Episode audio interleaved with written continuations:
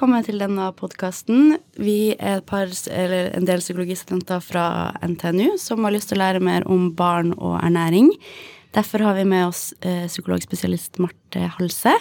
Velkommen til deg. Har du lyst til å introdusere deg sjøl? Ja, skal vi se. Eh, jeg er ikke helt ferdig psykologspesialist, faktisk. Okay. Så kanskje jeg skal få med det. Ja, altså Jeg er altså psykolog. Eh, snart ferdig psykologspesialist i barn og ungdom. Eh, og holder også på med å skrive en doktorgrad på barns utvikling. Og så har jeg jobba eh, Ja, så jobber jeg òg som underviser på NTNU mm -hmm. i Trondheim.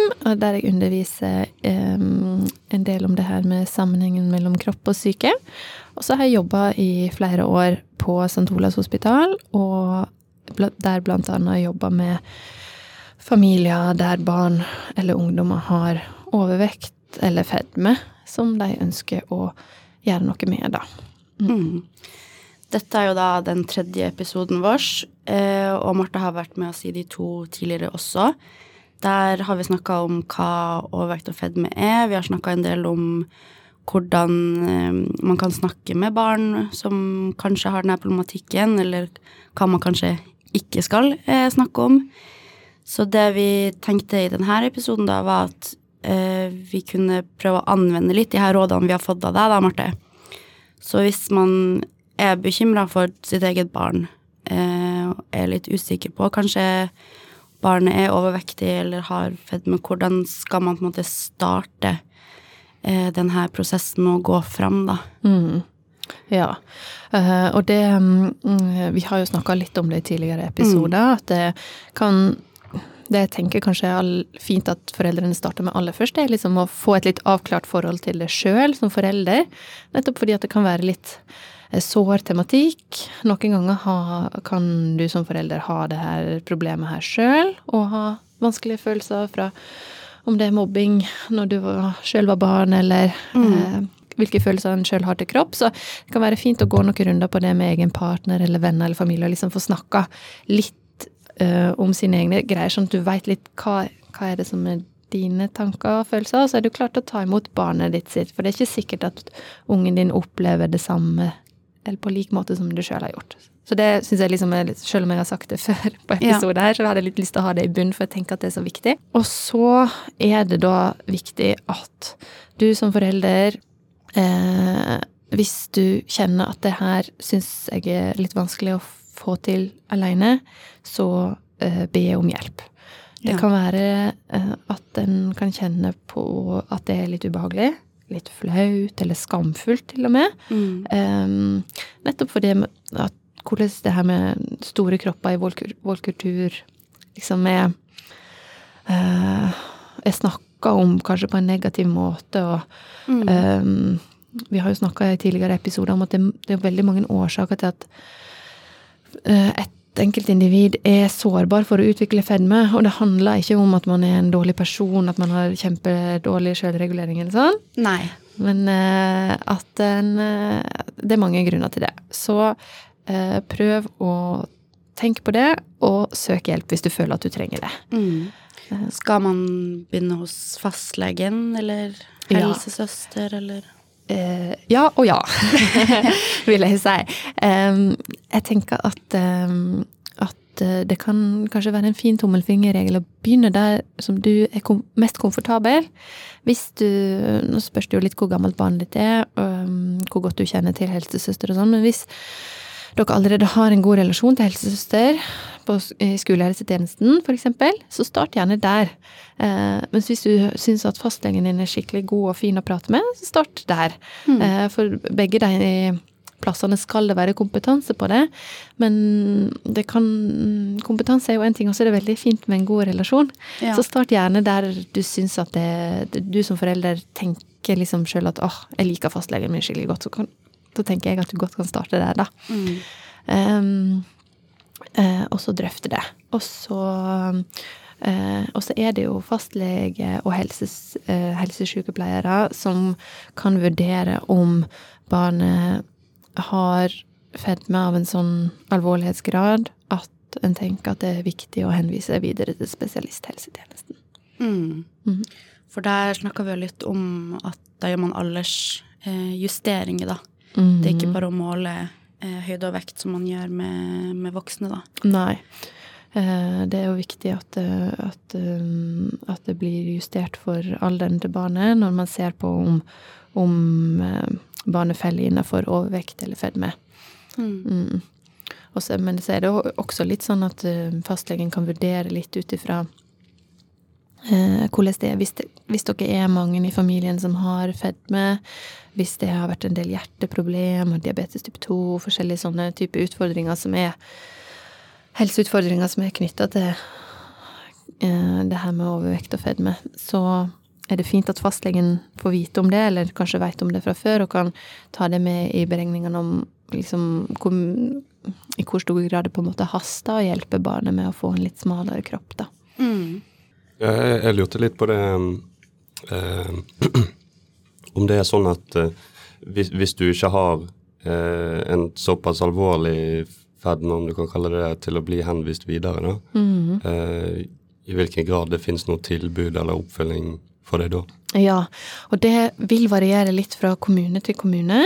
Mange kommuner eh, har på plass noe som heter Friskliv og mestring. Eh, i sin kommune, og det er ofte et tilbud der Og der kan det være veldig forskjellig hvordan tilbudet er, men i noen kommuner så finnes det tilbud til familier og til barn eh, med ja, det er ganske mye forskjellig innhold, da.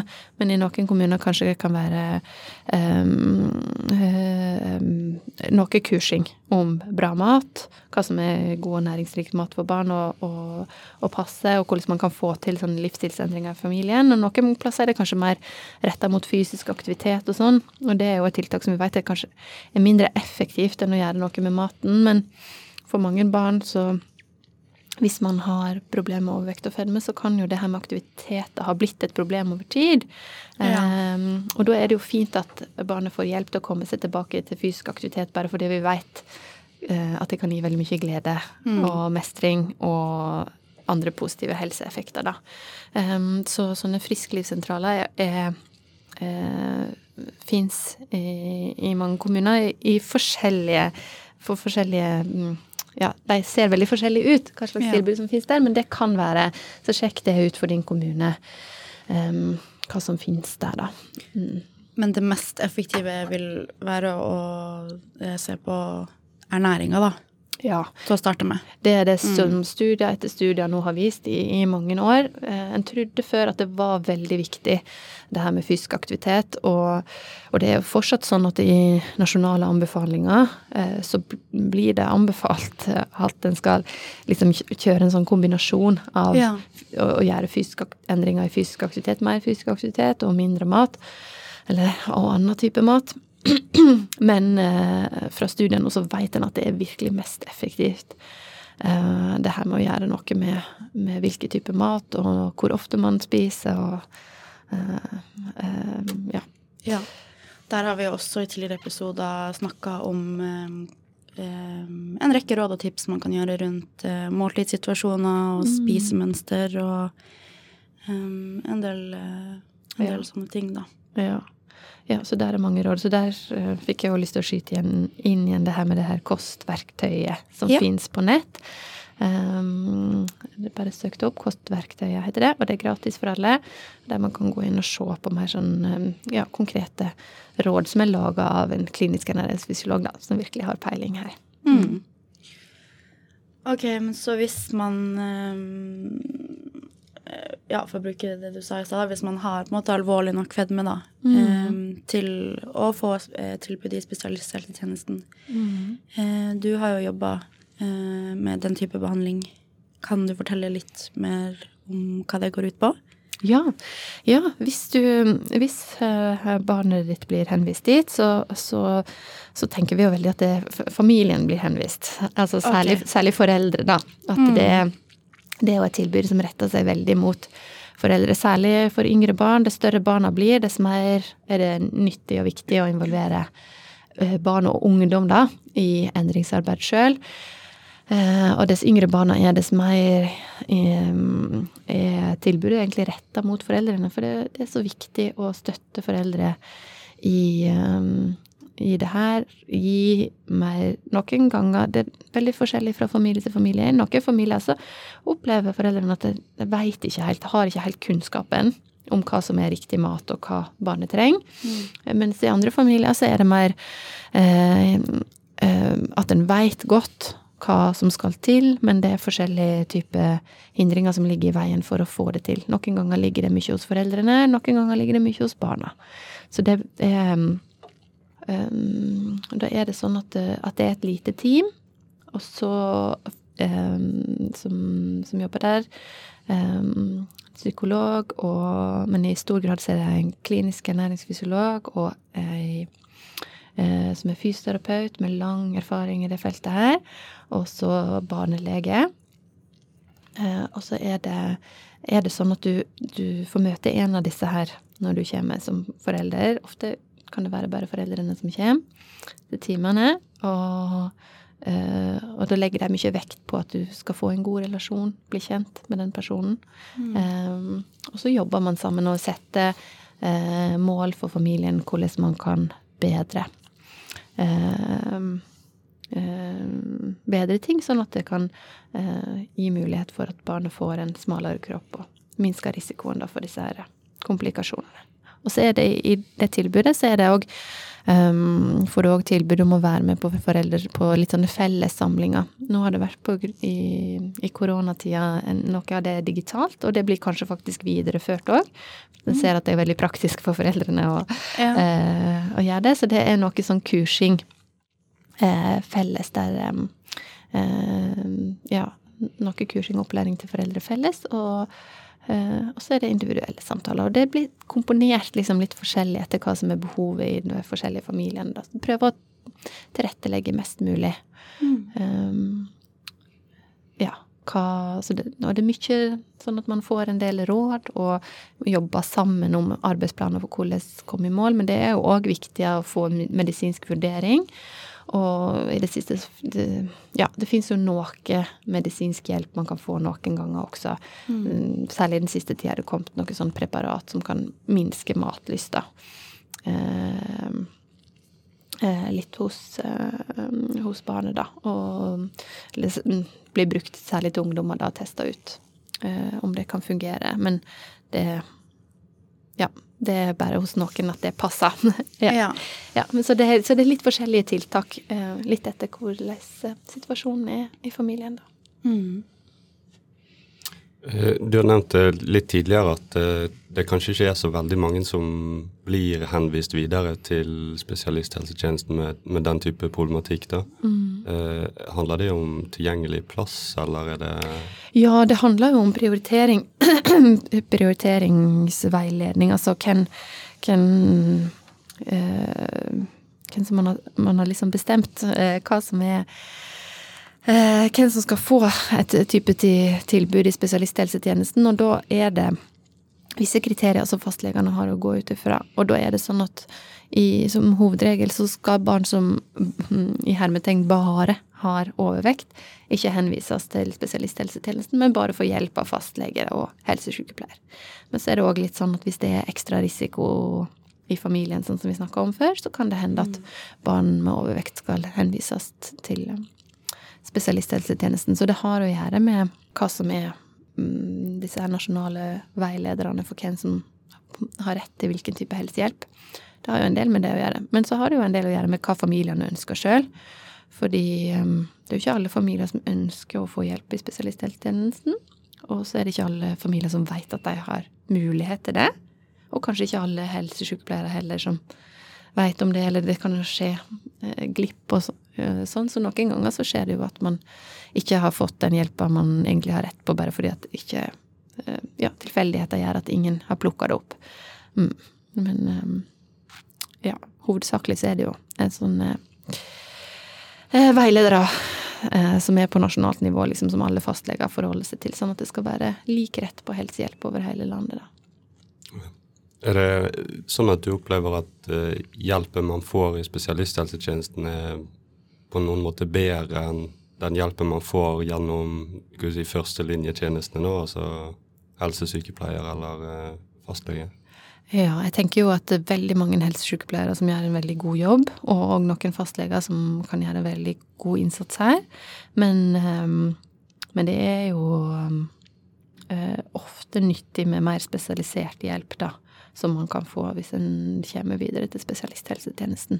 Um, så det vil være litt sånn Litt avhengig av Det er jo litt forskjellig spesialkompetanse. En helsesykepleier kan jo ha tatt en del kurs og Eh, og ha mye kompetanse på området. Og så særlig òg hvis en da har en god kjemi med familien og godt samarbeid, så kan det være likså godt, det, um, som å komme til spesialisthelsetjenesten. Men, men det heter nå spesialisthelsetjenesten fordi den eh, tjenesten er mye mer spesialisert, og de som jobber der, har, har jo veldig spisskompetanse på det her.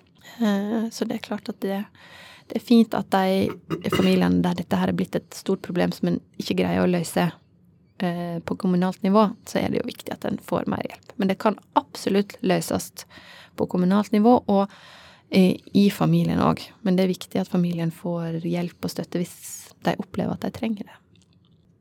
Um, du fortalte oss også um, om noe som var utvikla uh, delvis her fra Dragvoll uh, før vi gikk inn i studio.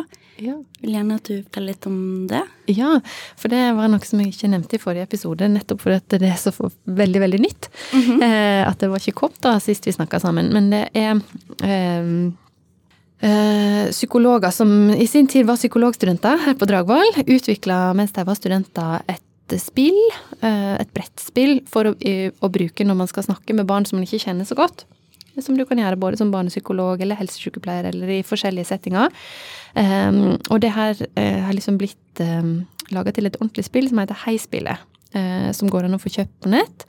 Og det er, er, jo mye helsepersonell som bruker når de skal snakke med barn. Uh, men nå har det også kommet en egen versjon som handler om det her med kropp og mat og sjølbilde rundt kropp. Eh, mange konkrete spørsmål retta inn mot det. Og så er det laga som et brettspill sånn, der du triller terning veldig sånn enkelt, da, men med spørsmålskort som man kan stille til hverandre, de to som spiller, eller flere som spiller sammen. Og akkurat det er litt sånn at det kan òg eh, kanskje være en god hjelp for foreldre mm. som er litt usikre på eh, hvordan snakke med barn om eh, kropp mat. Um, så det går an å bestille for alle. Um, jeg tror det heter heispillet.no eller .com. Søk opp Heispillet, og så mm. fins det i flere versjoner. Så det er den versjonen som eh, handler om det her med kropp og mat og sånn. Mm. mm. Har du flere spørsmål, Joakim? Nei, jeg føler vi er ja. godt dekt.